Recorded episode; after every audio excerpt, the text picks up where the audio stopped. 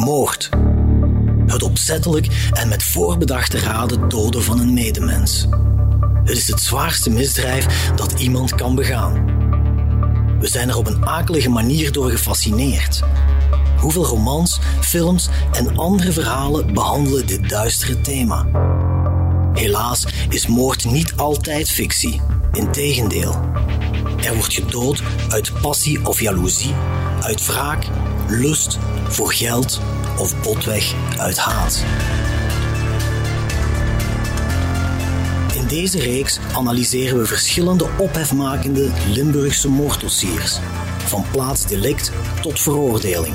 En gaan we op zoek naar de motieven die in het verknipte hoofd van de dader zijn gruwel rechtvaardigen. Ik ben Geert op Teinde en dit is Van Moord tot Verdikt. Episode 19. Moord zonder lijk. Het is de nacht van 4 op 5 juni 2017. De wereld is in shock na twee terroristische aanslagen. Eén in Londen en één in Manchester na een optreden van popster Ariana Grande. Maar in Genk zou het een heerlijk lang weekend worden, want 5 juni is het Pinkstermaandag en de lente is in het land. Maar die nacht worden de buren van de 53-jarige Ronald van der Rijken, beter gekend als Ronnie, gek van het geblaf van zijn hond en ze verwittigden de politie. Om 3 uur 59 ochtends bonkt de politie op de appartementsdeur van Ronnie. De politie had namelijk een melding gekregen van een buurvrouw dat het hondje van Ronnie bleef huilen. Je hoort een hoofdinspecteur van de lokale politiezone Karma. Ze wil graag anoniem blijven en dus vermelden we haar naam niet. Ze was van in het begin betrokken bij deze zaak.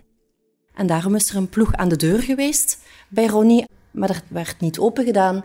En ze hebben ook op zijn gsm-nummer gebeld, kwamen op de voicemail terecht en daar werd een bericht ingesproken dat hij zo vlug mogelijk zich in contact moest stellen met onze diensten.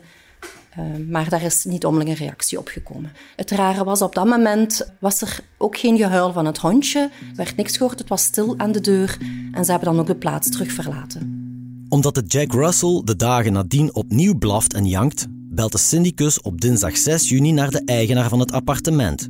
Die eigenaar is de schoonbroer van Ronnie. Hij neemt de reservesleutel en hij trekt met zijn broer en zoon naar het appartement om na te gaan wat er aan de hand is. Ze zijn bezorgd, want Ronnie gebruikt al jaren drugs. Mijn broer heeft me gebeld toen jullie bij het appartement zijn geweest. Te zeggen van er klopt iets niet, dat, dat is niet, niet juist hier. Dit is Sandro Profeta, de nu 39-jarige neef van Ronnie. Hij was uh, broer van, een broertje van mijn moeder. Het appartement is van mijn vader. Ronnie huurde van mijn vader. En de syndicus had gebeld dat de hond was aan blaffen. Dat hij niet stopte met blaffen. Ze dachten dat hij Ronnie dood daar ging vinden, of weet ik veel, overdosis, of misschien met drugs, of weet ik veel. Maar mijn vader is dan met zijn broer en mijn broer naar het appartement gereden. Hebben ze proberen met de sleutel binnen te gaan. Dat ging niet, omdat een sleutel aan de binnenkant stond. Dus konden ze niet binnen.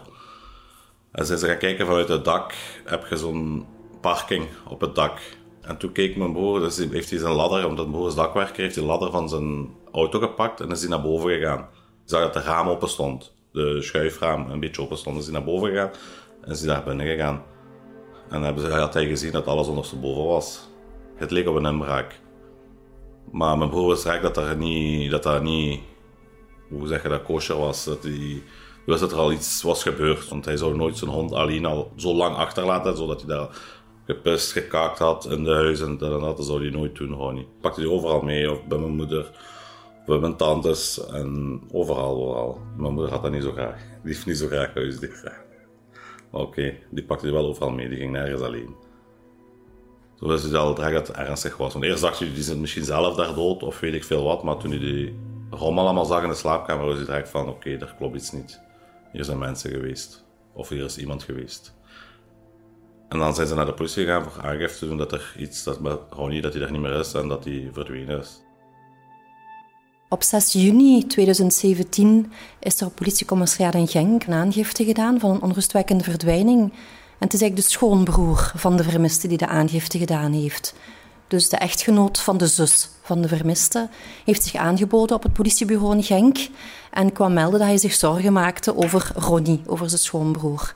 En de avond van de aangifte was ik van permanentie. Dus ik ben eigenlijk vanaf het begin af uh, ermee ingesprongen. Wanneer een volwassene verdwijnt, gaan er niet meteen alarmbellen af. Want misschien is die persoon gewoon enkele dagen op reis. Of is hij andere oorden gaan opzoeken. Maar voor de politie is het meteen duidelijk dat dit wel een onrustwekkende verdwijning kan zijn. Het parket wordt dan ook al snel ingeschakeld en de zaak komt in een stroomversnelling. Met de info die wij kregen van de schoonbroer, plus uit onze interne registers, wisten wij ook vrij vlug dat Ronnie gekend was in het rugmilieu en gekend was voor een heel aantal teruggerelateerde feiten, wat maakte dat het parket inderdaad besliste van nee, dit gaat hier wel over een onrustwekkende vermissing. Um, waardoor dat ook vrij meteen alle registers zijn opengetrokken. Die avond nog zelf. Hè. Uh, parket heeft onmiddellijk beslist, gezien de omstandigheden van verdwijning, we gaan de huiszoeking doen onmiddellijk samen met het gerechtelijk labo. Kunnen jullie als recherche daar naar mee naartoe gaan en daar bijstand gaan bieden? Dus wij zijn die avond zelf van de aangifte ben ik meegegaan met een collega naar het appartement en hebben wij zo de collega's van het gerechtelijk labo hun werk kunnen laten doen in het appartement. De dag nadien is er eigenlijk nog het vervolg geweest van het sporenonderzoek.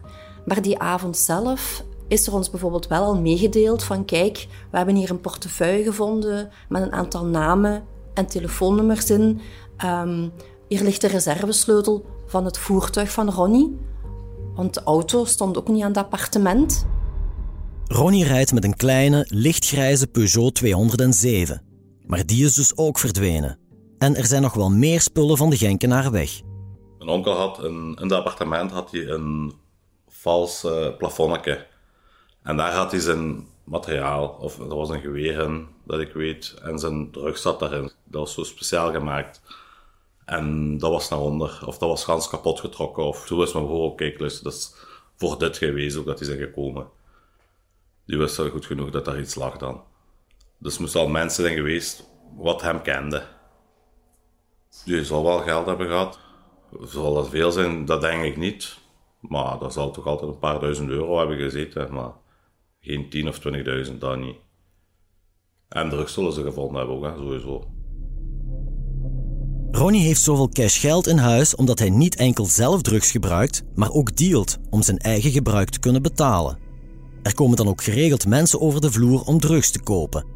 Drugs die hij verstopt in de geheime bergplaats in het plafond. Voor dat dealen moest Ronnie al een paar keer naar de gevangenis en dus is hij geen onbekende voor het gerecht en voor de politie.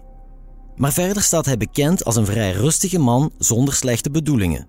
Hij heeft nog maar weinig familie, maar met hen onderhoudt hij een goede band. Ik had een goede band met hem, maar niet voor te zeggen dat we elkaar dagelijks spraken of uh, wekelijks zagen. Eén keer om de twee weken gingen we eens thuis met mijn broer dartsen of pingpongen. En op familiefeesten zagen we hem. Ja, maar we hadden wel een goede band. Mijn broer had een hechtere band met Ronnie. Dat was een petekind eigenlijk. En daardoor hadden ze een echte band. Wij waren nog de enige familie van hem. Hè. Als ik aan hem denk, dat hij denkt dat hij altijd de beste is. In alles wat hij doet. De sterkste en de beste. Dat zijn de herinneringen wat ik aan hem heb.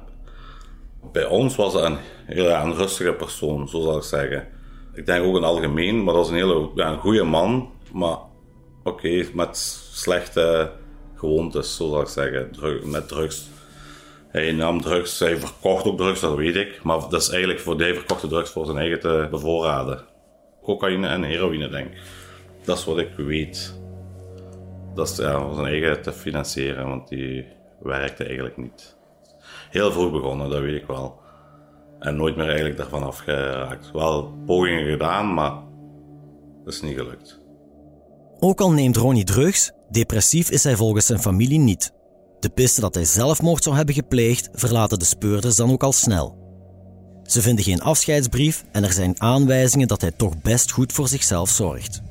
Zo gaat hij bijvoorbeeld vaak fitnessen en hij probeert aan zijn verslaving te werken door methadon te nemen, een sterke pijnstiller om af te kicken van zware drugs zoals heroïne, die je op voorschrift van een arts moet afhalen in de apotheek. Het is daar dat Ronnie voor het laatst is gezien. Tijdens de huiszoeking, s'avonds, werd er door het eh, gerechtelijk labo ook een kasttiket gevonden van een apotheek in Genk Centrum, met daarop nog een recente datum. Uh, de dagen nadien hebben we ons ook aangeboden bij die apotheek. was de apotheek Voorzorg in het centrum van Genk. En daar werd inderdaad bevestigd dat Ronnie op zaterdag 3 juni, omstreeks de middag, nog aanwezig was geweest in de apotheek om zijn wekelijkse methadonverstrekking te komen halen. Gezien hij daar wekelijks kwam, kenden ze hem ook. Ze konden hem zich ook nog herinneren zelfs dat hij daar geweest was. De persoon in de apotheek wist zelfs ook nog te herinneren van dat hij met zijn hondje in de apotheek geweest was. Zelfs nog een klein detail dat het hondje daar zijn behoefte had gedaan. Dat konden ze zich nog herinneren. Um, in de apotheek was er ook een camera, waren er camera's. En inderdaad, op die beelden zien ze Ronnie. Een normaal gebouwde man met kort haar en een snor. Hij draagt een blauw t-shirt, een lange broek, een horloge aan zijn linkerpols en heeft een tattoo op zijn rechterbovenarm. Zijn hondje Rocky is er ook bij. En voor ons waren dat de beelden die we teruggevonden hebben waar hij het laatste keer al levend op uh, gezien is. En dat was dan op zaterdag 3 juni rond de middag. Die zaterdag 3 juni om 12.45 uur verlaat Ronnie de apotheek in het centrum van Genk. En sindsdien ontbreekt elk spoor van hem. Dat is een dag voor de politie op zijn deur klopt, omdat hondje Rocky de buren wakker houdt. Wat is er gebeurd met Ronnie nadat hij in de apotheek is geweest? De politie volgt meteen het boekje en start een onderzoek naar Ronnie's onrustwekkende verdwijning. Dat wil eigenlijk zeggen, de vermiste wordt geseind, zowel nationaal, internationaal. Ook zijn voertuig wordt dan geseind, nationaal, internationaal, zodanig dat ergens de politiedienst hem of zijn voertuig zou gecontroleerd hebben, dat ze onmiddellijk wisten van, die is aangegeven als vermist bij de politiezone uh, in Genk, hè, bij de politiezone Karma. Wat gebeurt er ook op die moment is, er wordt bijvoorbeeld naar de omliggende ziekenhuizen, ook psychiatrische instellingen, gezien het iemand was met een, eh, een, een drugproblematiek, uh, wordt geïnformeerd of daar ergens iemand is binnengebracht onder de naam van Ronnie. Dat was allemaal negatief. Wat er ook gebeurd is, dat er een bericht van opsporing werd uh, verzonden naar alle omliggende politiezones, zodanig dat ze wisten van kijk, in Genk is er een aangifte van die persoon en voornamelijk natuurlijk om uit te kijken naar het voertuig. Een vermiste die te voet weg is, is al moeilijker om naar uit te kijken, maar een vermiste die met een voertuig vertrokken is, is natuurlijk ideaal om te vragen aan de omliggende zones om uit te kijken naar die auto met die bepaalde nummerplaat. Contact met zelfvermiste personen is ook iets wat automatisch gebeurt bij een onrustwekkende vermissing. We geven hun al kennis van, kijk, die aangifte is er gekomen. Indien er bijstand nodig is, kunnen zij nadien ook onmiddellijk uh, bijspringen. De zoektocht heeft al snel resultaat. Want nog diezelfde avond, op 6 juni, krijgen de speurders de eerste puzzelstukjes binnen. Vrij vlug kregen wij reactie van de politiezone Maasland dat er bij hun de zondag reeds uh, een identiteitskaart en een rijbewijs werd binnengebracht op naam van Ronnie. Nu, op dat moment stond Ronnie nog niet geseind als vermist, dus de politie Maasland was die zondag nog helemaal niet verontrust. Bleek dus dat een getuige die identiteitskaart en het rijbewijs had gevonden. Hij was toevallig gepasseerd via de grens in Nederland, uh, in Lanaken, en er was hem opgevallen dat er langs de openbare weg ergens een roos, document lag. Ook een eerste tracering van de gsm van vermiste is natuurlijk ook iets wat heel belangrijk is. En zo wisten we eigenlijk de avond van de aangifte al van kijk, uh, het laatste signaal van het oproepnummer van de vermiste werd opgevangen de 5e juni. En dat was om 9.45 uur. En die zendmast die bevond zich aan de voetbalterreinen van SK Münsterbilze. Dus dat was het laatste signaal wat opgepikt was van de gsm van uh, Ronnie. We hebben dan ook een dekkingskaart ontvangen van de provider. En we wisten dan ook de straal rond de zendmast is dan 500 meter. Dus uh, het signaal werd opgepikt uh, in die straal van 500 meter aan de voetbalterreinen van SK Münsterbilze. Je weet dan natuurlijk nog niet de exacte plaats, werden ze opgevangen, maar je weet dan wel het gebied. En dan is natuurlijk ook gevraagd aan de politie van Bilze om in die regio, in dat gebied, te gaan kijken of daar eventueel het voertuig gevonden kan worden. Mogelijk stond dat ergens geparkeerd of ergens langs de weg, maar dat was ook negatief die avond. Terwijl de politie in Münster-Bilze op zoek gaat naar Ronnie en zijn Peugeot, wordt de aandacht van de speurders getrokken door een briefje dat ze bij de huiszoeking in het appartement van Ronnie hebben gevonden. Ja, er lag alleszins een portefeuille met een aantal namen en nummers, maar één apart briefje lag in een oude portefeuille en daar stond dan de naam Mark Kastermans op met een gsm-nummer. Mark Kastermans, geen onbesproken figuur. Hij is dan net geen 50 en ook een drugsverslaafde. Hij is een grote gespierde man, echt een beer van een kerel. Ooit was hij een beloftevol judotalent, maar helaas ging hij de criminele tour op. Kastermans is al jaren gekend bij het gerecht. Zijn criminele carrière start al in de jaren 90. Hij is dan een twintiger en portier. In 1996 wordt hij veroordeeld voor een schietpartij aan de intussen verdwenen Dancing Dockside in Hasselt. Maar de man is vooral gekend voor zijn mogelijke betrokkenheid bij twee verdwijningen in de vroege jaren 2000. De eerste persoon die vermist raakt is Jacques Gérin uit Lanaken, een drugsdealer en een vriend van Mark Kastermans. Maar Jacques is ook de partner van de vrouw waar Kastermans later een langdurige relatie mee zal hebben. Volgens geruchten zouden Kastermans en de vrouw al een relatie hebben wanneer Jacques Gérin verdwijnt. Zelf ontkennen ze dat. Nu, sinds 2002 is er geen enkel teken van leven meer van Gérin. Zijn lichaam is vandaag nog steeds spoorloos. Maar Kastermans is nooit formeel in verdenking gesteld voor de verdwijning van of de moord op Gérin. Een jaar later, in 2003, verdwijnt ook een tweede persoon uit de entourage van Kastermans, de Maastrichtenaar Jean Leclerc. Hij is een ecstasy-dealer bij wie Kastermans onderdak vindt na de verdwijning van Gérin. Voor die verdwijning wordt Kastermans wel in verdenking gesteld. En hij moet in Nederland terechtstaan voor moord. Daar wordt hij uiteindelijk niet voor veroordeeld, maar wel voor wederrechtelijke vrijheidsberoving en foltering, omdat hij Leclerc bij ijskoude temperaturen had opgesloten in een kelder en hem vastbond op een stoel.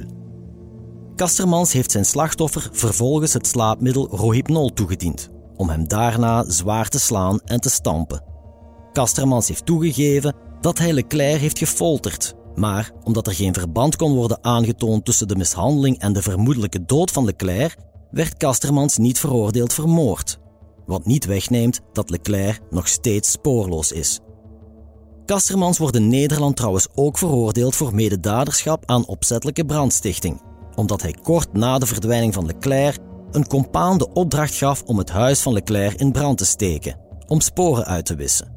Trouwens, heel opvallend en zeker iets om te onthouden voor de volgende afleveringen, de wagen die Kastermans ter beschikking stelde aan die compaan had geen binnenbekleding in de koffer.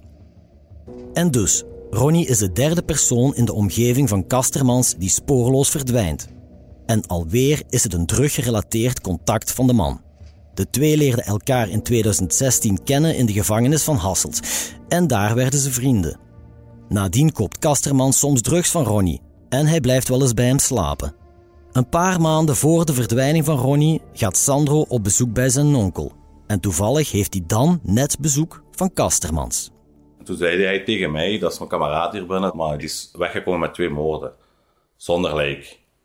Maar dat is voor daar binnen in de gevangenis. Ik had eigenlijk niet verwacht dat hij daarna daar buiten nog die contacten ging onderhouden. Maar en toen ik daarna hoorde ook dat hij daar buiten mee omging, heb ik ook gezegd tegen Ronnie, wat is je mee bezig? Blijf toch van zo'n mensen misschien wegblijven. Maar dat is mijn maat, dat, ja, oké. ja. En toen had mijn broer die ook daar eens één keer of twee keer bij zijn thuis gezien. En dat mijn broer ook zei, kijk luister op mensen, moet je hier niet in je huis laten. Toch blijft Ronnie contact houden met Kastermans. En wanneer Ronnie verdwijnt, legt zijn familie meteen de link. Kastermans, die weet meer, vermoeden ze.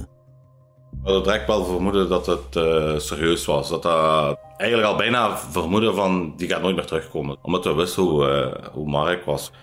En mijn vader is dan terug naar het politiekantoor gegaan voor te zeggen van kijk luister, zoek alle pistes uit, maar deze persoon heeft ermee te maken. Dat was dan Mark Kastermans. De schoonbroer heeft inderdaad die avond bij de aangifte wel twee namen vernoemd van een vriend en dan ook heeft hij genoemd Mark van Bilze.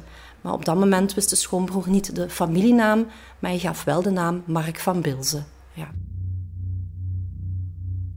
Hebben ze dat genoteerd of niet? Dat weet ik niet. Maar ik weet gewoon dat zij zeiden van zo iemand kun je niet gewoon oppakken. Zo iemand moet je genoeg bewijs hebben en dan pas kun je verder stappen ondernemen. Omdat er geen normaal kaliber is. De familie van Ronnie is niet alleen in haar vermoeden. Ook twee andere getuigen denken dat Mark Kastermans iets te maken heeft met de verdwijning. In de dagen na de aangifte valt zijn naam nog enkele keren op het politiekantoor van de lokale politiezone Karma in Genk. Enkele dagen na de aangifte zijn er nog twee getuigen die bij ons de naam Mark Kastermans hebben vermeld. Twee getuigen onafhankelijk van elkaar. Eerste was een vriend van Ronnie, die eigenlijk spontaan bij ons is komen vertellen dat hij zich zorgen maakte over Ronnie en dat hij wenste te melden dat Ronnie veel contacten had met een zekere Kasters, Mark, uit Bilze. En hij, uh, dat zou een drugsverslaafde zijn. En hij gaf aan dat de politie dat best kon onderzoeken, de piste naar Mark Kasters uit Bilze. Um, de dag nadien wordt de naam Mark Kastemans opnieuw genoemd bij onze dienst. Uh, een man die bij ons in de cel zit uh, wegens openbare dronkenschap wordt naar buiten begeleid door een van de collega's. Waarop dat die man aan de collega vraagt van hoe is het met Ronnie van der Rijken? Waarop de collega vraagt van hoe, waarom bedoel je dat? Ja, is die nog vermist? Wordt er gevraagd.